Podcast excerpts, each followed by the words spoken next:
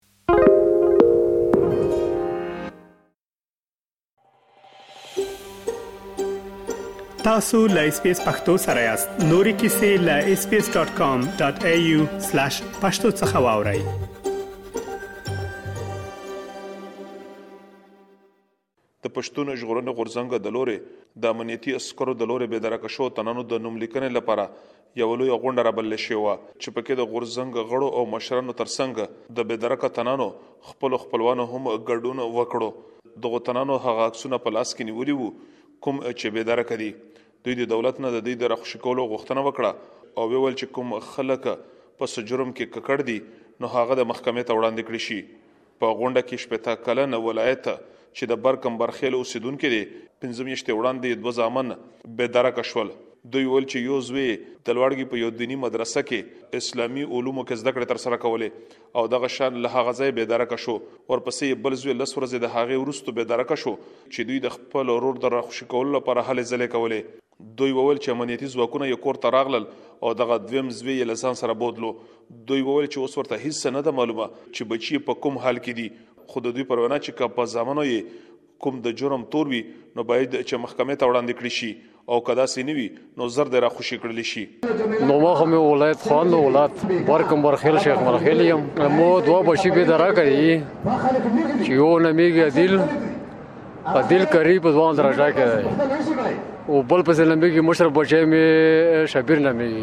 نو دل دل بچی می چې کله د مدرسې نه ورک شو د د خیبر د مدرسې د لوړ کې نه کنه د لخمه میاشتې په 20 تاریخ باندې شبیر بچی می په منډه ترله شروع کړه او ځکه چې ورور یو چې ورور کړو شي لازم لټونه به کوي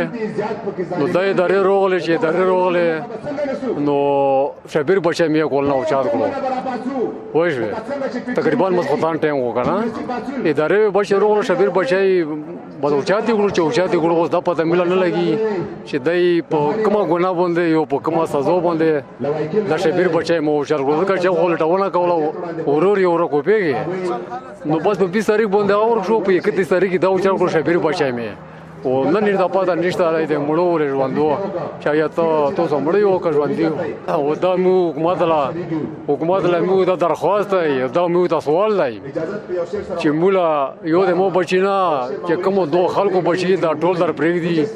کاغه ګننګور وي قانون مشتا وکیل مشتا عدالت مشتا صحیح دو کنه حکومت لا ولا شي چې کوم پر کوم سازو وي حکومت لا حکومت خپل سازو ور کی نو د دې مو بچی نیولې دي او دای پنځم بیا سٹارټ دو اوس مولا پته نه لګي چې یا مو بچی مړ دي ژوند دي او یو لالا پاتاو دا د موږ د درخواست دی چې موږ خپل بشیر پرې دي شبیر بچای مو مشر بچای دی او کولم مشر بچای مې راي پنځه روپې له پکا په مدرسه یې ټیلر دی کپړو دکان یې راي او پنځه پیسې ګټیو بس مور خپل خور دوان پیسو دي او میټر کې پوس کړه جن خان په سکول کې دلته ټول ثبوتونه مو سره مکمل دي شبیر بچي پورا دي د پښتون ژغورنې غورځنګ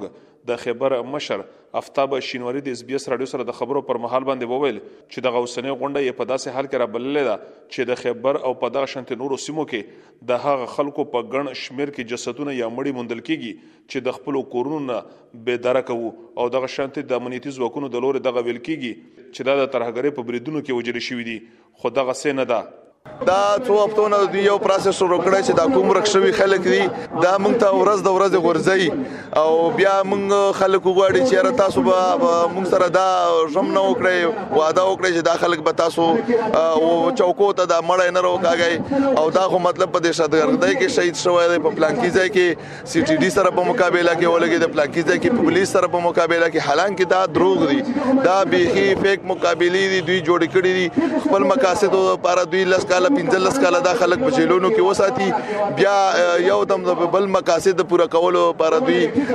د دروغ مقابله او شو کوي چې په پلاکیزه کې پولیس سره مقابله شوې ده او بیا یې موږ ته دا لښونه وګرځي افتاب شینواري وویل چې اوس په نږدو کې چې د کومو خلکو مړي موندل شوي دي نو د هغې خپل خپلوانو ته پولیسو یا امنیتي ځواکونو ویلي دي چې دوی ته به په دې شرط باندې جسدونه ورکول کیږي چې دوی به بیا احتجاج نه کوي دوی ویل چې که څه هم په دې برخه کې پي ټي ایم خپلې هڅې کړې دي او غږ یې پورته کړی دی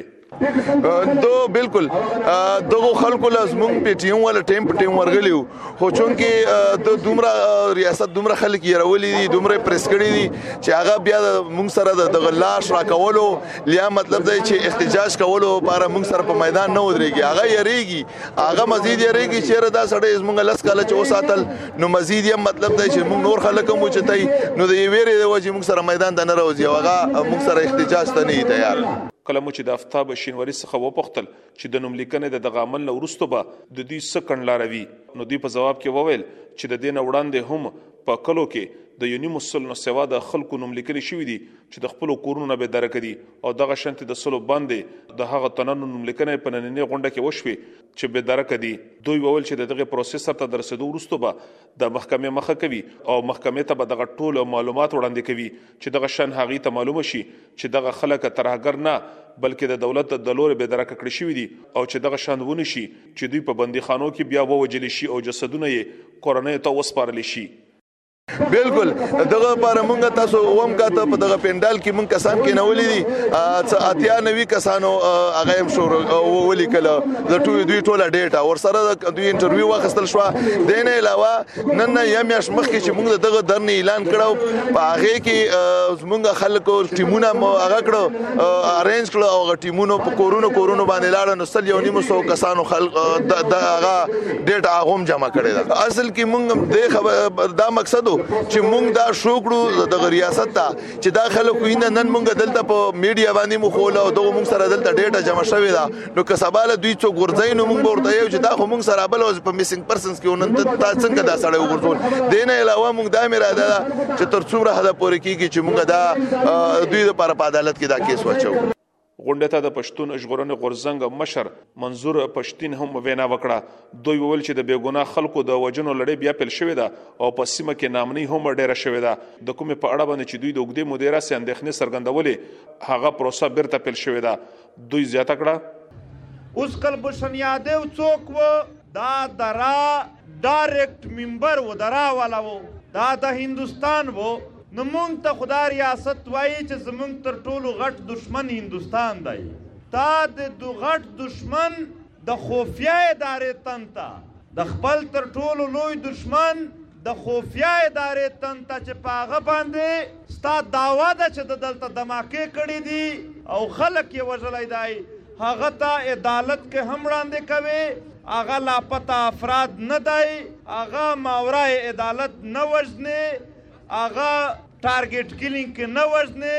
هغه مور او بچیانو ملاقات ورسره شوی دی د هغه سره د قنصل خانه یعنی رابطه کیږي د هغه سره د کورنۍ رابطه کیږي خو د پښتنو سره نه کیږي دا پښتانه د سپینګری ناشتي د هغه د خپل بچو سره نه ملاقات کیږي نه یې پته ورکوي، نه یې عدالتي کاروايي کېږي او نه د آیین لاندې چلند ورسره کېږي. په پاکستان او په خاصه توګه باندې په پښتون مېشته سیمو کې یو وار بیا د ناامنیو پېښې ډېرې شوې دي او په امنیتي ځواکونو باندې د بریدونو وروسته دغه شان د خلکو جسدونه ترلاسه کېږي کوم چې د اوږدې یا د لنډې مودې راهیسې د خپلو کورونو نه بېداره کوو. په دغه اوسنۍ لړۍ باندې په خلکو کې یره او اندېښنه ډېره شوې ده او فکر کوي چې یو وار بیا د دوی سیمه